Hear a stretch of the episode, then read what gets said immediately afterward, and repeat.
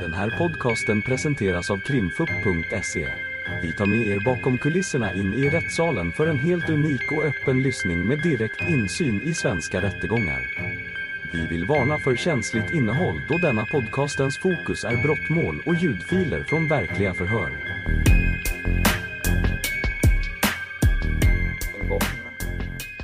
Nu hörs Ingmar Tublin då som sakkunnigt vittne och det är första åklagaren som ställer frågor. Mm, tack så mycket.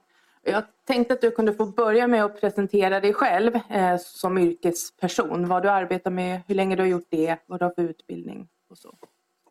Ja, jag är utbildad rättsläkare. Påbörjade min utbildning för 30 år sedan, ganska exakt. Mm.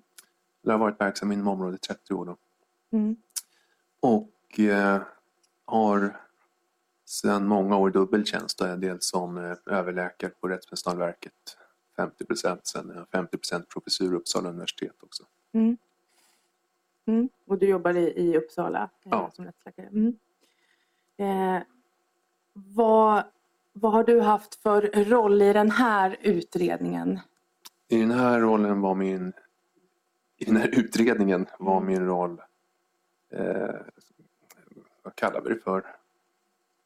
Ja, alltså när vi utbildar ST-läkare så har man alltid en specialist bakom så att det, min roll här var som ja, specialistens eller ST-läkaren som utförde själva obduktionen redovisar kontinuerligt fynden. Mm. Och sen så eh, gör vi tolkningarna tillsammans. Mm. Så att det, det är så det går till. Så det finns ett litet lärmoment i det hela. Mm. Var du med vid obduktionen eller fick du resultat eller liksom fynden presenterade för dig efteråt? Eller? Nej, jag var med. Du var med. Eh, nu kommer jag inte ihåg om jag var med precis hela tiden. Ibland eh, kan det vara vissa moment man vet att det här kommer ta en kvart innan det är nya. Då kan det vara att jag gör något annat. Men i, i stort Mm. sett var jag med. Mm. okej. Kan du bara lite kortfattat eh, alltså berätta hur det går till när ni gör en obduktion? Alltså hur, hur går man tillväga? Man börjar med att göra en yttre undersökning. Man tittar på kroppen. Mm. Alla sidor beskriver det man ser och även det man inte ser. Det vill säga att man, även om det inte är några fynd så beskriver man det region för region. Mm. Sen eh, beror det lite på eh, eh, ka- karaktären då på, på fallet. Eh, hur man går vidare. I det här fallet så fanns då polisiär misstanke om brott eh, som var känd för oss redan innan och då gör man lite mer än man annars brukar göra. Mm. att, eh, men, så man gör på lite olika sätt. Eh, I, I ett sånt här fall blir ju då halsdissektionen väldigt central. Mm.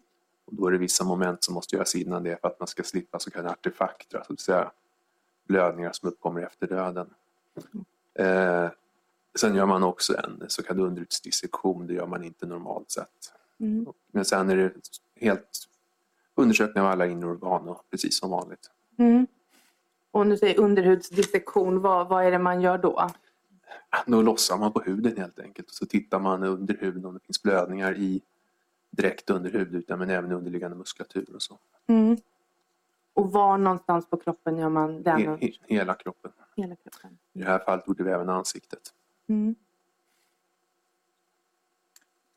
Och bara så att, så att jag förstår och andra förstår vad är det man skulle kunna liksom hitta vid en sån här underhudsdissektion? Det är framförallt un, underliggande blödningar. Det är så att blåmärken eller blödningar under huden är inte alltid synliga i huden. Mm. Särskilt inte på ryggen, där är huden tjock. Så läderhuden där är ungefär 3 mm så är det en blödning under där så går det inte att se från ytan utan då måste man titta under. Och det kan ibland vara väldigt utbredda stora blödningar som man överhuvudtaget inte ser Mm. med blotta ögat. Så det är, det är, syftet med det. Okej. Och vid det här liksom specifika ärendet, vad, vad såg ni för, för skador? Ja, och här måste jag innan vi går vidare göra en, ett tillägg eller en Mm. korrektion. Mm. Nämligen så att i protokollet under punkt 20 så står det i näsöppningar ses intorkade blodbesudlingar. Vänta, får jag bara hitta fram till punkten 20? Ja. Mm. De är inte närmare beskrivna där men de framgår tydligt dels i bilderna från platsen Mm. och även i våra egna bilder som togs vid obduktionen. Mm. Sen har vi tyvärr inte nämnt det i vårt utlåtande, Okej. vilket var en fadäs. Men så blev det den här gången. Mm. Så att eh, det, den, det fyndet skulle ha varit med i utlåtandet och det borde även ha tolkats där. Det kan jag kanske göra muntligt nu då i tillfälle. Absolut, absolut. Det, det kan du självfallet göra. Mm. Eh, antingen om du vill liksom ta det redan nu. Eller Jag kan du... ta det i samband Ja. med redovisning av fynd, det var ju frågan. Ja, men precis, precis. Mm. Så att, och då var det ett antal fynd som är relaterade till, till hängningen kan man säga. Alltså det är ju då en snörfåra på halsen Mm. eh, som passar med repet som fanns runt halsen. Eh, och eh, den här snörfåran den hade läge, alltså på halsen, så framförallt på halsens framsida och fortsatt förlopp. Eh, helt förenligt med hängning och på det sätt som framgår av bilderna från platsundersökningen. Mm. Eh, sen fanns det en blödning i vänstra raka mm, ja, nickmuskeln, eller nickmuskeln kan vi kalla den för, det. alltså de här musklerna vi har här, Mm. där den fäster på, fäster på nyckelbenet, vilket är också ett vanligt fynd vid hängning. Och för oss indikerar det då, eller det, talar starkt för att personen var vid liv när hängningen skedde. Det alltså en, för att man ska få en blödning så krävs det cirkulation. Mm. Eh, sen var det även blödningar i ländryggragens, ländryggradens mellankotskivor som är ett fynd som man ofta ser vid hängning, inte alltid men ofta och det är heller inte specifikt för hängning men eh, det är ett klart överrepresenterat. Mekanismen bakom det är inte riktigt klarlagd. Det finns teorier att det har att göra med dragkrafter i ryggraden när man hänger fritt i luften men det finns eh, även teori att det handlar om kramper i livets slutskede. Det är ju väldigt vanligt med kramper Mm. vid hängning. Men det är i varje fall eh, ytterligare ett fynd som man kan koppla till hängning just. Eh, och sen har var det eh, ganska ytliga skrapsår på knänas framsidor och ett på högra underbenet också. Den typen av skador är väldigt vanliga vid framåtfall i samma plan. Alltså man slår i ett underlag när man faller. Kan även komma vid knäskående om det är, finns moment av gnuggning. Man rör sig lite. Mm. Eh, det är ja, och, och de närmare omständigheterna kring det, och det, det kan inte vi avgöra. Mm. Sen var det då den här blödningen i högra hörselgången Mm. Som är ett fynd som förbryllade oss. Det är ingenting man brukar se vid hängning. Eh, ibland vid slag med öppen hand, alltså en örfil mot eh, ett öra så kan man få en, eh, att trumhinnan går sönder, trumhinnebristning och då kan det bli en blödning. Mm. Vi kunde inte se det, det var inte helt lätt undersökt. Nu ska man komma ihåg att Daniel Andersson som gjorde den här undersökningen, han är också eh, specialist öron-, näsa och halssjukdomar så han är väldigt duktig på att undersöka eh, just den eh, delen.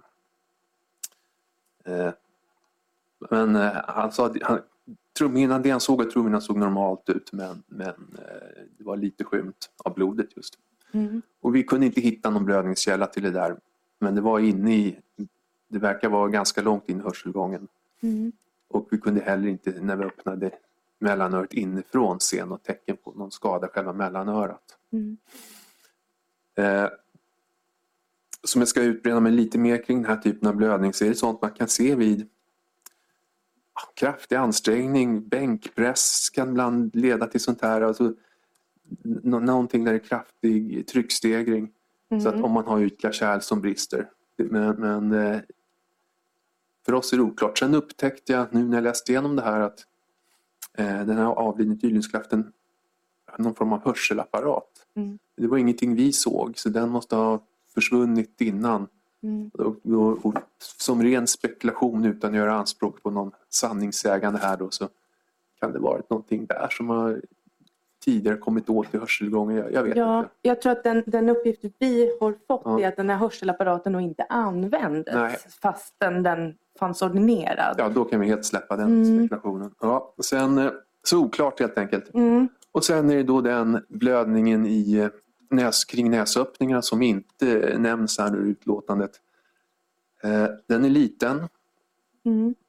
Eh, bara precis under näsan. Det verkar inte ha runnit ner längre ner över ansiktet. Vad jag kan se på bilderna från plats ser jag inte heller några blodbesudlingar på kläderna. Eh, näsblödningar är ju ofta ganska ymniga oavsett orsak. De kan uppkomma till följd av trubbigt våld mot näsan. De kan uppkomma spontant också. En del människor har väldigt lätt att få näsblödning. Bara att man blir upprörd kan räcka. Det, det varierar. Eh, det man kan säga här är att vi fick inga positiva fynd som talar för trubbigt våld. Alltså det var, vi kan säga säkert att det var ingen näsbensfraktur. framgår av både datortomografiundersökning och den egna eh, dissektionen vi gjorde. Det finns heller ingen underliggande blödning eh, kring näsan. Så återigen då skulle man kunna fundera på kan det här ha att göra med någon slags blodstockning och, och i så fall precis i livets slutskede. Men det här är inget fynd som man brukar se vid hängning heller. Mm. Alltså det, det är ingenting man förväntar sig vid en hängning att man ska ha näsblödning. Så jag har kort sagt ingen bra förklaring på de här två fynden. Mm. Och, och, när du pratar, om jag bara får eh, fråga lite om den här näsan. Så du säger att ni hittar ingen fraktur och ni ser ingen underliggande blödning. In, innebär det att du tänker att det är uteslutet? Nej, den, nej, nej. nej. Uteslutet kan, det kan ju vara ett eh, trubbigt våld som har tillräcklig intensitet för att skada näslemhinnan men inte tillräckligt för att leda till en eh, underutsblödning. Det är mm. möjligt. Mm. Så att det uteslutet kan jag inte göra men jag kan inte heller hävda det. Nej, nej okej, men då, då förstår jag. Mm. Eh, eh, nu ska vi se. Sen tänkte jag också på ehm, du, du, pratade om knäna. Mm. Ha, kunde ni göra någon uppskattning av när i tid de skadorna hade uppstått? Nej, det går inte. Alltså det är ju eh, inom ett par dygn. Men, mm. så det, de ser färska ut. Eller, de är av en så pass ytliga så att de skulle läka ut fort. Mm. Men mer än så kan man inte. Nej. Mm. Så det går, och, alltså, är det någon skillnad om, eh, för du säger ett par dygn, alltså hur, hur ser läkeprocessen ut efter, efter döden har, har inträtt? Den stannar helt upp. Mm. Så att eh, läkning det kräver att man är vid liv. Så. Mm. Men, men så när du säger att inom ett par dygn, det är då från, eh, från dödens, liksom, när döden har inträtt? Att det är Just ett par det. dygn bakom. Mm. Ja. Då förstår jag det. Eh, jag tänkte att du kunde få eh, för du har pratat lite grann om det där med nickmuskeln och, och lite så. Men vad mer har de här, eh, den här undersökningen gett i, i hur, döden, eh, hur ni tror att döden inträffar? Vad är det som orsakar den och, och varför tror ni det? Så hängning är ju en uteslutningsdiagnos. Mm. Eh, och det man baserar den på ja, det är omständigheterna förstås. Att personen hittats hängd. Mm. Och sen eh, Eh, och då blir det kan man säga utgångshypotesen att eftersom personen hittats hängd så är hängning dödsorsaken. Eh, och då letar man, ja då försöker man ju då motbevisa sig själv genom att leta alternativa dödsorsaker mm. som förgiftning, kanske någon sjukdom eller någon annan skada. Mm. Eh, och Särskilt av intresse i ett sånt här fall är ju då om det skulle vara tecken på en annan typ av strypning som föregått hängningen. Det, det är ju det kan man säga det är själva grundsyftet med att vi obducerar hängningar faktiskt. Mm. Eh, och eh, hittar man då inget annat eh, som talar emot den här första hypotesen att det är hängning, då är det det som blir slutsatsen om dödsorsaken. Mm. Men den har inte något Alltså det är snörfåran, ofta är det brott på tungben, sköldbrosk också. Eh, och det kan vara blödningar i halsens mjukdelar och sånt där. Men ofta är det väldigt få fynd. Ungefär som i det här fallet, att är, man har snörfåran och inte så mycket mer. Mm. Blödningen i nickmuskeln där. Mm. Eh, men i frånvaro av annan förklaring då blir slutsatsen hängning som dödsorsak. Mm. Vad är det som gör att, du, du pratar om att annan typ av strypning. Ja, alltså om man har manuell strangulation med händer alternativt eh, med någon form av snara mm. så brukar det bli betydligt mer omfattande blödningar i, i mjukdelarna.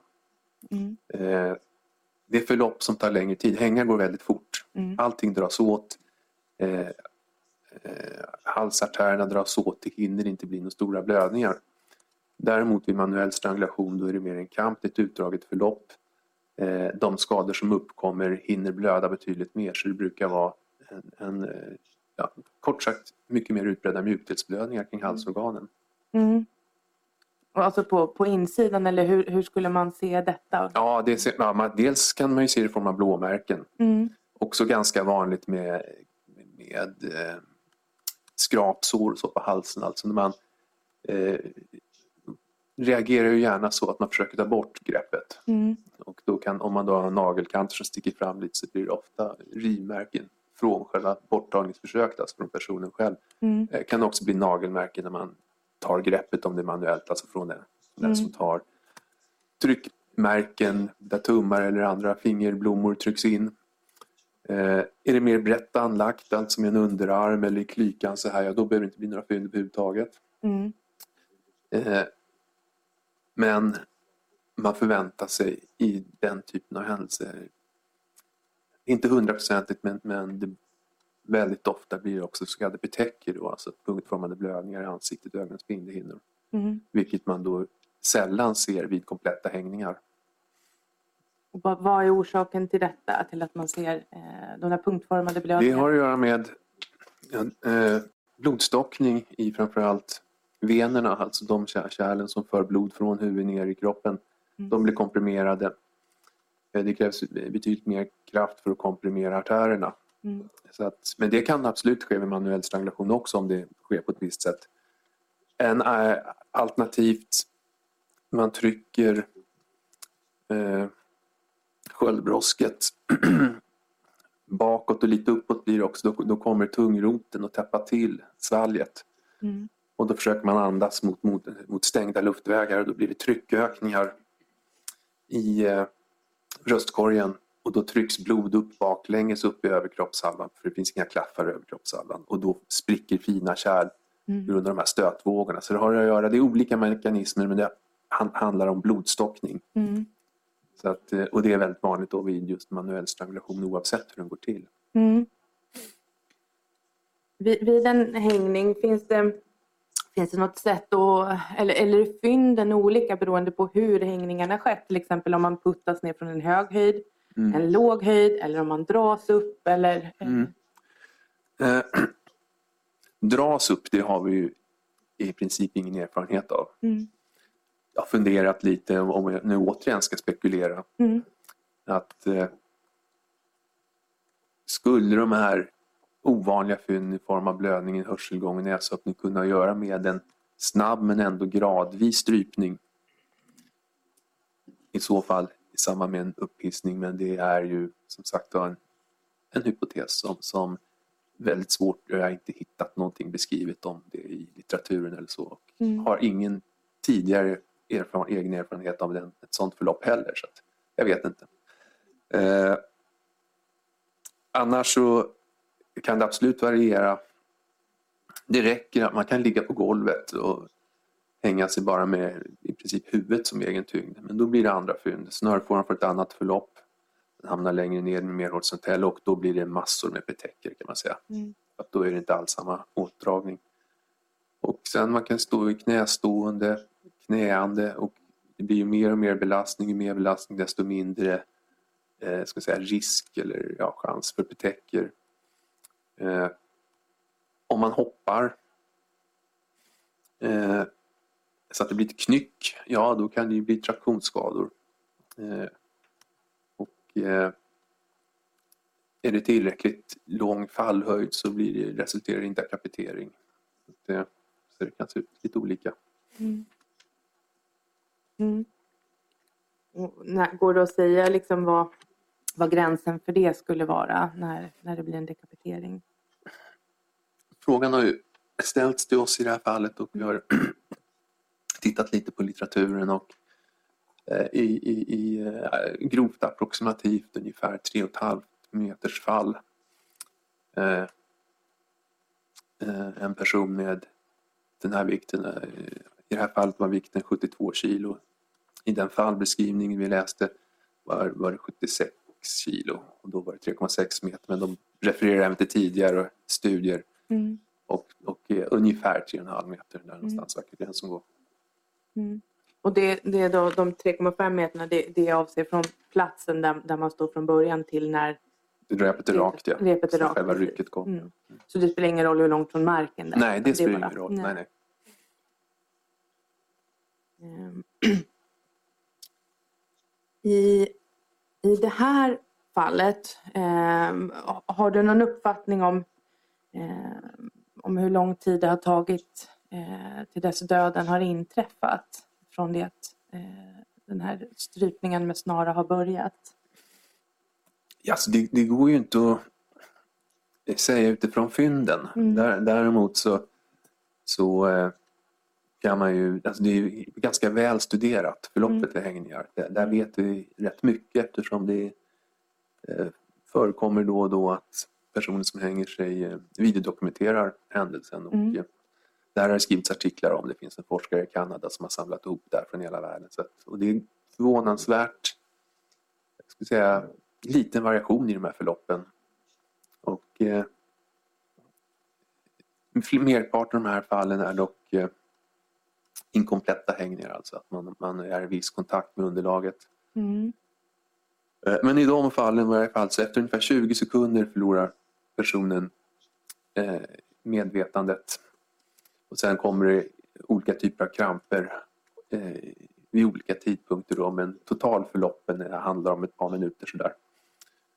Eh, och eh,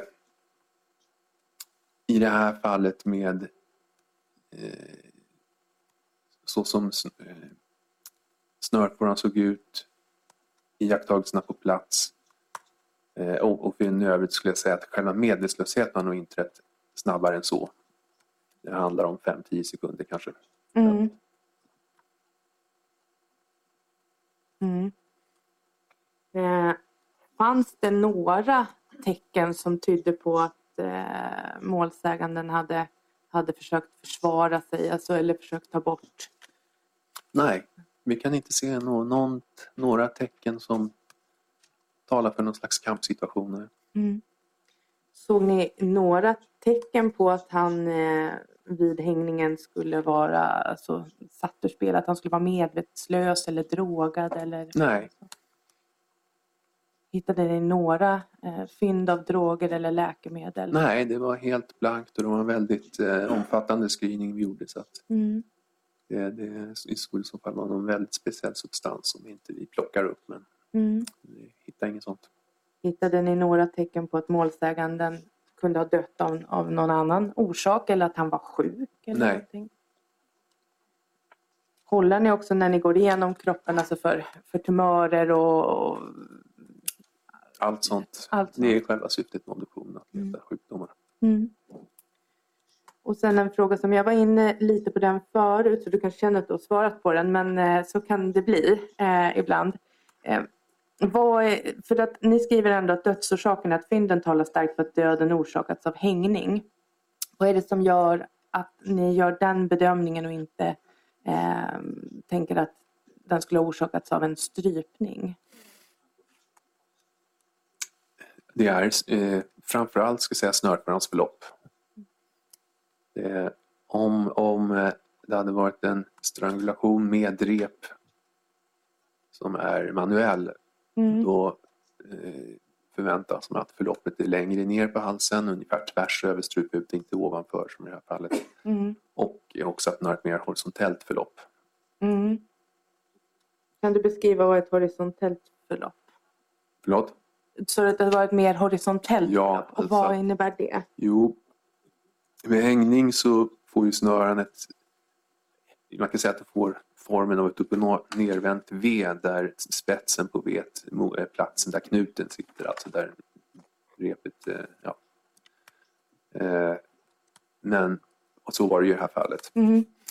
Eh, Men eh, om man drar ett rep runt halsen då kommer det att ligga tvärs över. Det Mm. kommer inte vara någon, att det går upp någonstans. så, utan Det blir mer som ett, en hor- horisontellt förlöpande Mm. skala. Okej, ja. Inte snett uppåt i någon riktning. Nej. Eh, jag jag lämnar den till dig. Så att- Jag lämnar över till min kollega som ska ställa en fråga Jag också. har bara en fråga. Och du pratar nu att eh, det skulle inte vara strypning med rep. Och om man hade strypit liksom målsägande med händerna eller med armen. Mm, mm. Hade, det, hade ni sett det då? Om man liksom Inte hade- nödvändigtvis. Alltså, eh, den typen av strypning, alltså man lägger halsen i armvecket till exempel eller trycker med underarmen eh, på strupbråcket. Det behöver inte ge några synliga skador eller blödningar i halsstenarna. Eh, man hade förväntat sig man ska säga, att det i alla fall stor risk för punktformade blödningar. Men det är inte absolut det heller. Så att den typen av manuell strypning kan ske utan att efterlämna spår. Mm. Är det möjligt att man har gjort, alltså strypit ut målsägaren först och sen hängt honom i det här fallet? Alltså jag kan inte utesluta det men det, är ju, det finns ingenting, inga positiva fynd som, som gör att jag kan påstå det. Tack så mycket. Mm. Eh, Då ska andra advokaterna få ställa frågor. Målsägandebiträde Ebro Dock. Hejsan. Här är jag. Var? Där. Längst bak. Här. Där. Hejsan, jag företräder familjen till brottsoffret. Eh, Jag har bara några kontrollfrågor. Eh, Förstod jag rätt att det, eller om du kan förklara om det går att säga om han var medvetslös när hängningen påbörjades? Det kan jag inte säga någonting om. Det går inte att säga. Nej. Eh, Men slutsatsen var då, om jag förstod rätt, att döden orsakats av hängning och att du uppskattade att medvetslösheten uppstod kanske efter 10 sekunder. Så fort snören dras åt eh, så pass hårt att eh, när kroppen hänger fritt i luften då går det fort. F- Familjen här är väldigt intresserade av att veta hur utdragen processen kan ha känts för eh, sonen. Kan du säga någonting om Alltså, det? jag, jag kan ju inte bedöma den här situationen på något sätt bättre än någon annan. Mm. Det enda jag kan säga är att från det att det blivit tillräckligt drag i snaran då eh, får man medvetandet inom loppet av några sekunder. Men vad som har föregått det, så vidare, det, det kan inte jag säga någonting om.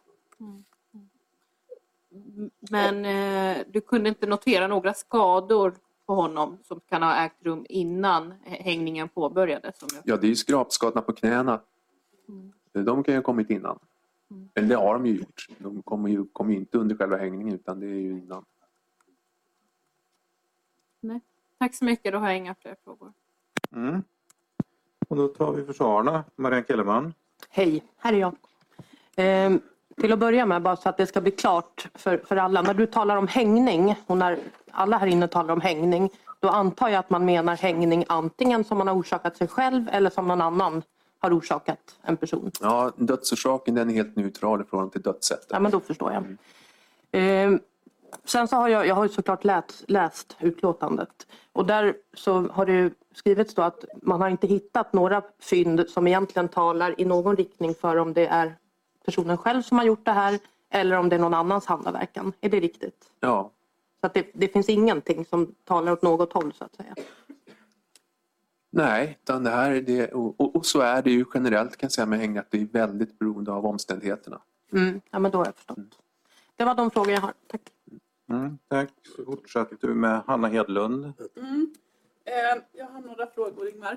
Eh, jag tänkte på med hängning som dödssätt. Och det är väl framförallt när man begår självmord antar jag. Hur vanligt är det? Jag ber Hanna Hedlund bara om du kan vrida micken närmare. Jag tror inte du behöver ställa om frågan utan den- hördes nog. Hörde du frågan? Ja, Jag har inget exakt svar på det men att eh, det måste vara Alltså det är väldigt sällan som det blir någon annan slutsats än eh, dödssättet självmord. Mm. Det förekommer, det finns fall eh, eh, med riggade hängningar. Eh, men de är väldigt sällsynta. Alltså det är inte ens ett per år i Sverige. Nej. Sen de senaste tre åren har det inte varit något. Det vet jag för att det det pågår en sån studie just nu. Mm. Men generellt då, jag tänker eh, om man tar hängning som dödsorsak till självmord. Är det ett vanligt tillvägagångssätt Ja, att det är- begå självmord på? Ja, det är det särskilt bland män. Särskilt bland män. Mm. Så av de liksom fall ni får in så är det ett vanligt dödssätt?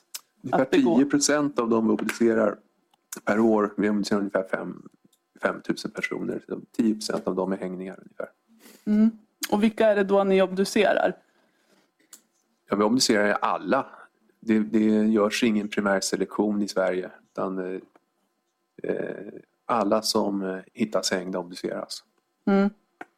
Okej. Ja, men jag tänker, ni får väl in andra fall också som inte är hängningar? Alltså, Ja, ja, det är de Ja. övriga 90 procent. Är det alla fall som man tänker att man inte har dött av en naturlig orsak? Som... Ja, där det inte står klart från början att det är naturlig orsak. Det är, anledningen till att det blir en rättsmedicinsk obduktion är att det kan vara någon form av yttre påverkan, antingen förgiftning eller någon form av skada. Ehm, då är det ett vanligt, eh, alltså att hängning är ett vanligt sätt då att begå självmord förstår vi. Ja, Sen sa du det här att man dras upp, har ni ingen erfarenhet av? Jag har ingen personlig erfarenhet av, av något sånt. Nej. Nej. Och jag har inte heller hittat någon vetenskaplig beskrivning av det här, att någon har tittat på det. Kan finnas, men i så fall inte hittat det. Men det är ingenting som du känner till att någon person har dragits upp någon gång då? Eller? Jo, alltså jag har, det finns ett sånt tidigare fall Mm. eh, som jag lyssnade på en föredrag. Det var många år sedan det var i Göteborg. Mm. Men det var ju då eh, i det här fallet var slutsatsen att personen hade avlidit innan så att det var liksom upphissande av en död kropp. Då.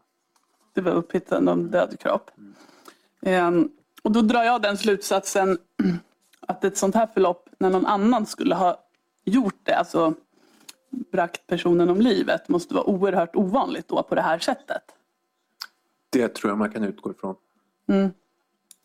Ehm, har du någon uppfattning i de fall du känner till då med riggade hängningar om det finns något där personen inte i övrigt har några skador? Göteborgsfallet kommer jag inte ihåg. Eh, hur det var i övrigt. Eh, sen är det två andra fall som, eh, som inte var mina. Jag har inte läst protokoll eller någonting men jag liksom, ah, det har pratats om dem. Och eh, som jag minns i de fallen fanns andra skador. Jag tänker så här också, om man inte vill dö, är det inte en naturlig reaktion från kroppen att man försöker ta bort snaran? Har du någon uppfattning om det? Alltså inte, det, vi är ju aldrig rättsläkare. Vi är ju aldrig på plats. Vi har ju ingen erfarenhet av hur sånt här sker. Man kan säga att det blir ju bara ett förnuftsresonemang om man försöker leva sig in i hur skulle jag ha gjort. Och där kan jag säga, jag vet inte om, om min uppfattning om det är värd mer än någon annans. Nej, nej det kanske är svårt. Det är liksom ingen rättsmedicinsk bedömning tycker jag. Nej, det är väl svårt också när det finns så få fall. Då finns det väl ingen statistik på det. Man kan säga att, att eh, vid manuell strangulation då, är det, då vet vi att det förekommer. Alltså s- som jag sa tidigare att det finns nagelmärken när man försöker avlägsna greppet och så. Mm. Så att, eh, det är ju ett sätt som, där finns det ju erfarenhet av att ja, så kan man reagera. Mm. Sen om det är någon och, och skillnad i det här fallet, ja, vet jag, det är ju så att med allting sånt här att det är ibland, ibland inte. Så att det är väldigt svårt att dra slutsatser på ett individuellt plan av, utifrån exempel på hur det ibland är. Eh, och sen, eh, jag tänkte på de här avsaknaden av de här punktformiga blödningarna. Mm. Talar det för att det är ett snabbt förlopp? Ja, det gör det. Det gör det. Ja. Okej, vi ska se om det var något mer.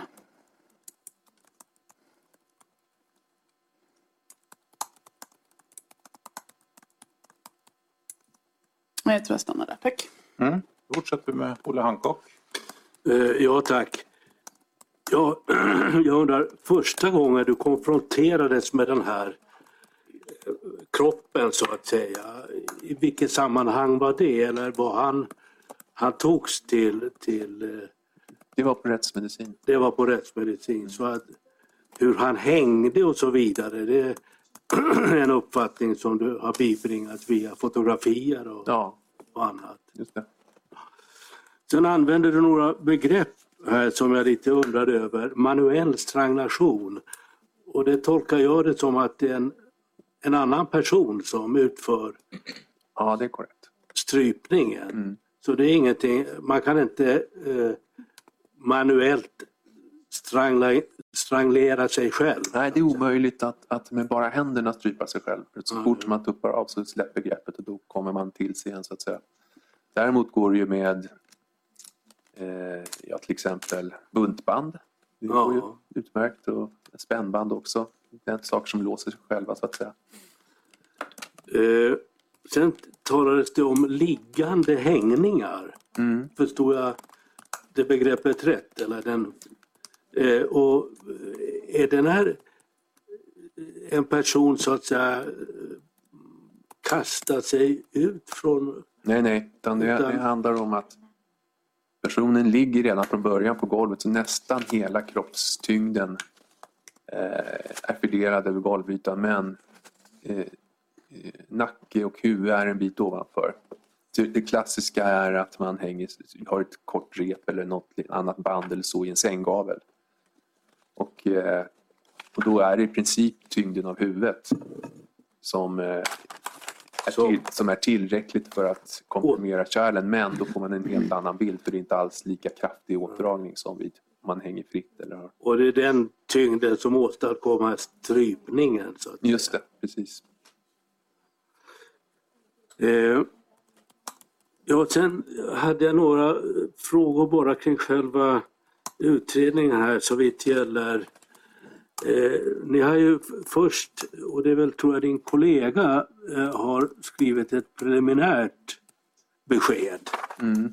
utlåtande. Och då eh, uttrycker han sig ganska enkelt och kategoriskt så vitt gäller dödssättet. Och då säger han så här på sidan eh, ja, 680 i polisutredningen kan jag bara eh, nämna för fullständighetens skull att den döda kroppen, nej förlåt, i nu, eh, dödssätt. I nuläget har inget framkommit som talar för att döden orsakats av annan persons handaverkan. Mm. Eh, och, Anna, och, och ja, det att det inte skulle ha åstadkommits av någon annan person, själva alltså dödssättet. Mm. Eh, och, och, och talar man då om handaverkan, bara så jag förstår själva formuleringen. Handaverkan, det är ju ett vitt begrepp. Eh, det handlar ju inte om att det är någonting man utfört med händerna. Nej, Det, utan det handlar ju om att utan det är en annan person som, som, som har tillfogat döden så att säga. Ja. Ja. Eh, ja, och sen, sen i det här definitiva utlåtandet och det var inte du som ansvarade för, eller i varje fall inte den här preliminära rapporten tror jag. Men där ser man så här, utifrån omständigheterna finns en polisiär misstanke om att döden orsakats av annan person. Eh, och sen eh, säger man igen Alltså att utifrån undersökningsfinden har inget framkommit som talar för att döden orsakats av annans handaverkan.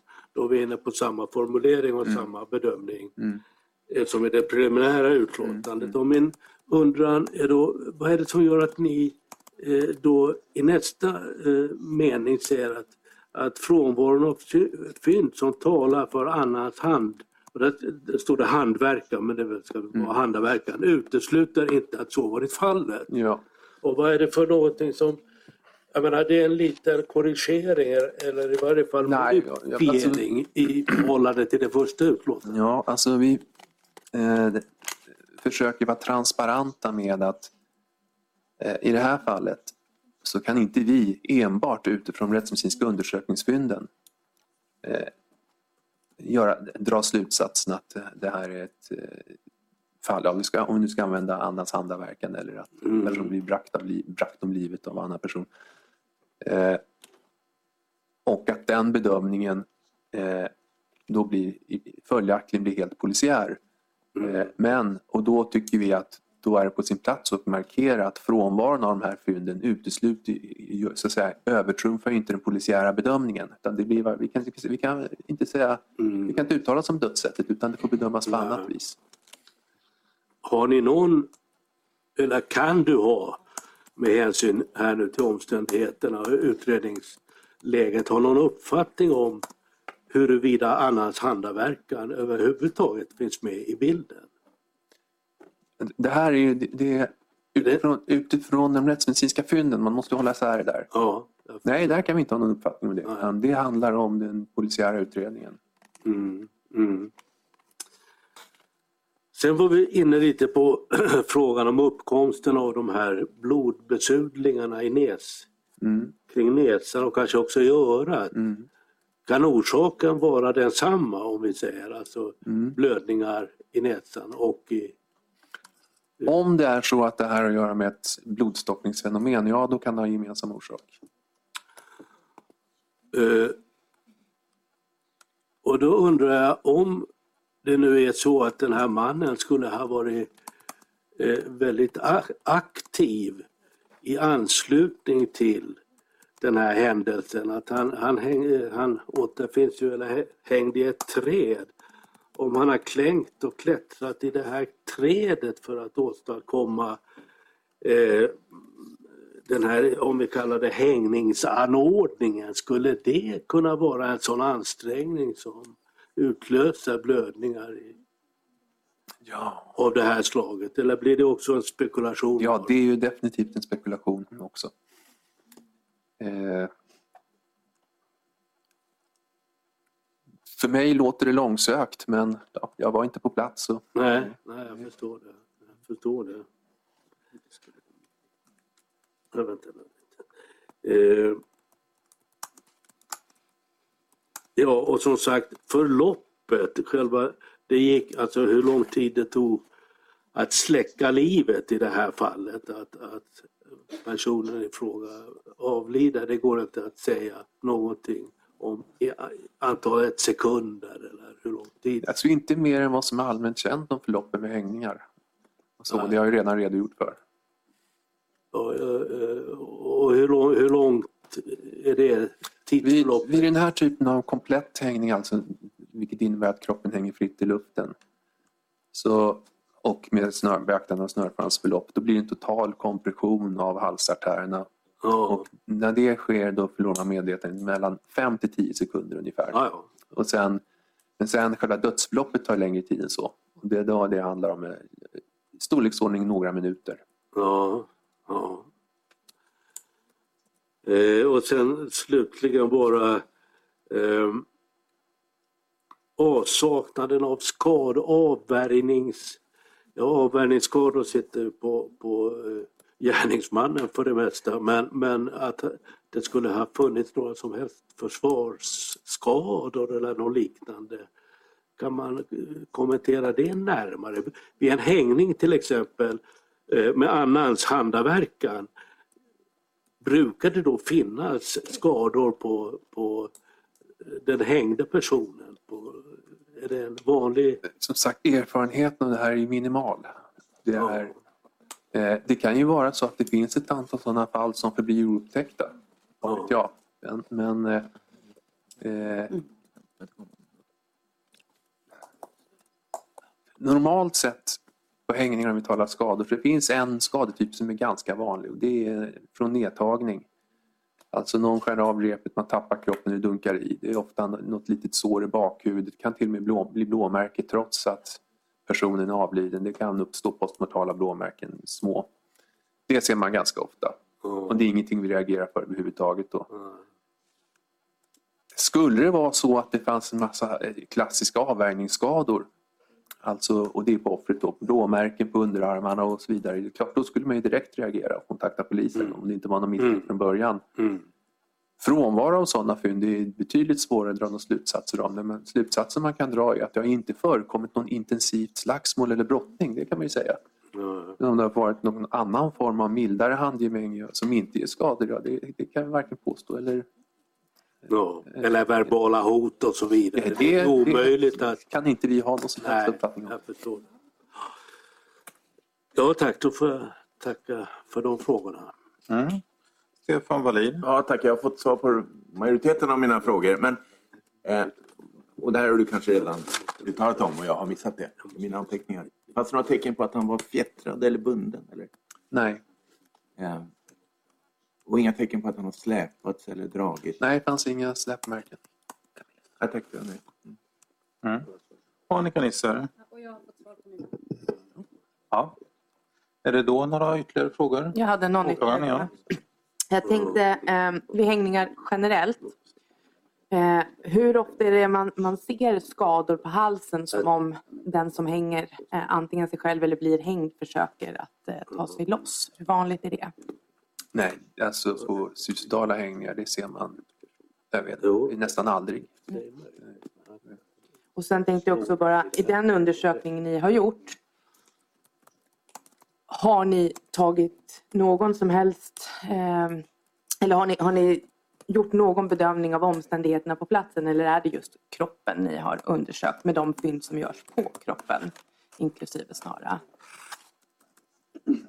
Vi har ju valt att hålla oss väldigt mycket till våra egna fynd här. Mm. Eh, normalt sett om vi, om vi talar suicidala hängningar generellt, där tar vi ju lite över omständighetsbedömningen också. Mm. Helst vill vi att det ska vara en formulerad hypotes från polisen om ett självmord och så förhåller vi oss till den, men ibland är det inte det.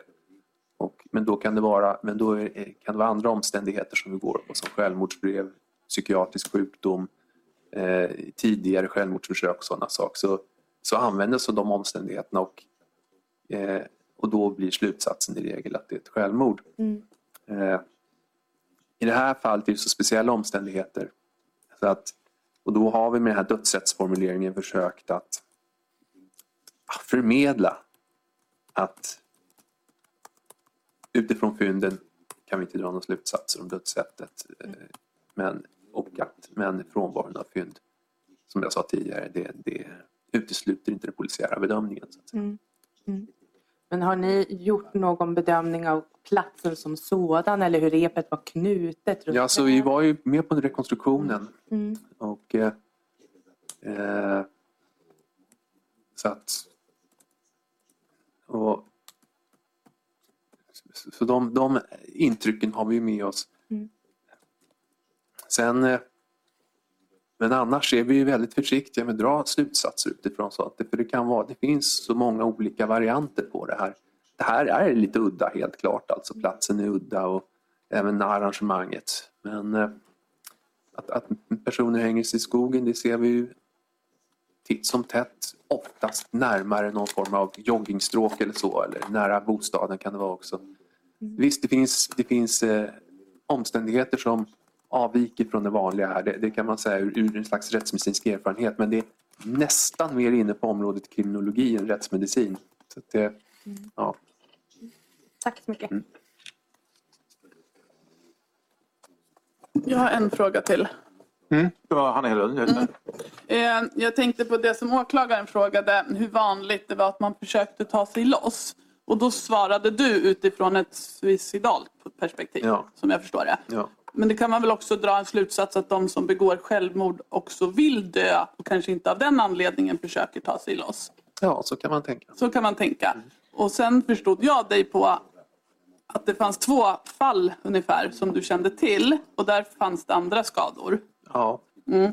Så att då måste det rimligtvis vara så i de fallen när någon annan skulle ha gjort det att det helt saknas statistik på om man i de fallen försöker ta sig loss eller inte. Eller har jag fel? ja nej, det, det tycker jag faktiskt är rimligt att säga så. Med så få fall så går det inte att dra några generella slutsatser på något sätt. Gör. Nej, jag ville bara få fram det. Mm. Tack. Mm. Herr ordförande, Ja, om jag också får ställa en kompletterande fråga. Utifrån den evidens eller de, de erfarenheter som finns. Eh, om vi, och det är kanske är en väldigt svepande fråga jag då ställer. Är själva arrangemangen eh, med hängningen, trädet, repets fastsättning och så vidare i, i, i grenar eller i anslutning till stammen. Är det någonting anmärkningsvärt om du granskar bara den bilden i förhållande till hur det kan gå till? Du sa att man påträffade ibland personer hängda ute i skogen och så vidare i suicidala eh, syften. Finns det någonting märkvärdigt med den här bilden? Jag har ju inte eh, någon ska säga, vetenskap att falla tillbaka på här. Eh, och, eh, det är möjligt att sådana studier är gjorda men i så fall har jag inte läst dem. Eh, och, eh, där arrangemang, de kan se ut på olika sätt. Det är allt jag kan säga. Och, eh, Och kanske lite hur som helst. ja, alltså, jag, jag skulle aldrig våga dra någon slutsats utifrån tanken. Det vore fel att göra det. Utan då, då, är det ju liksom, då, då måste man göra noggranna undersökningar, rekonstruktioner och så vidare. Så att det, det, jag, jag kan inte liksom utveckla det här något mer. Nej. Tack.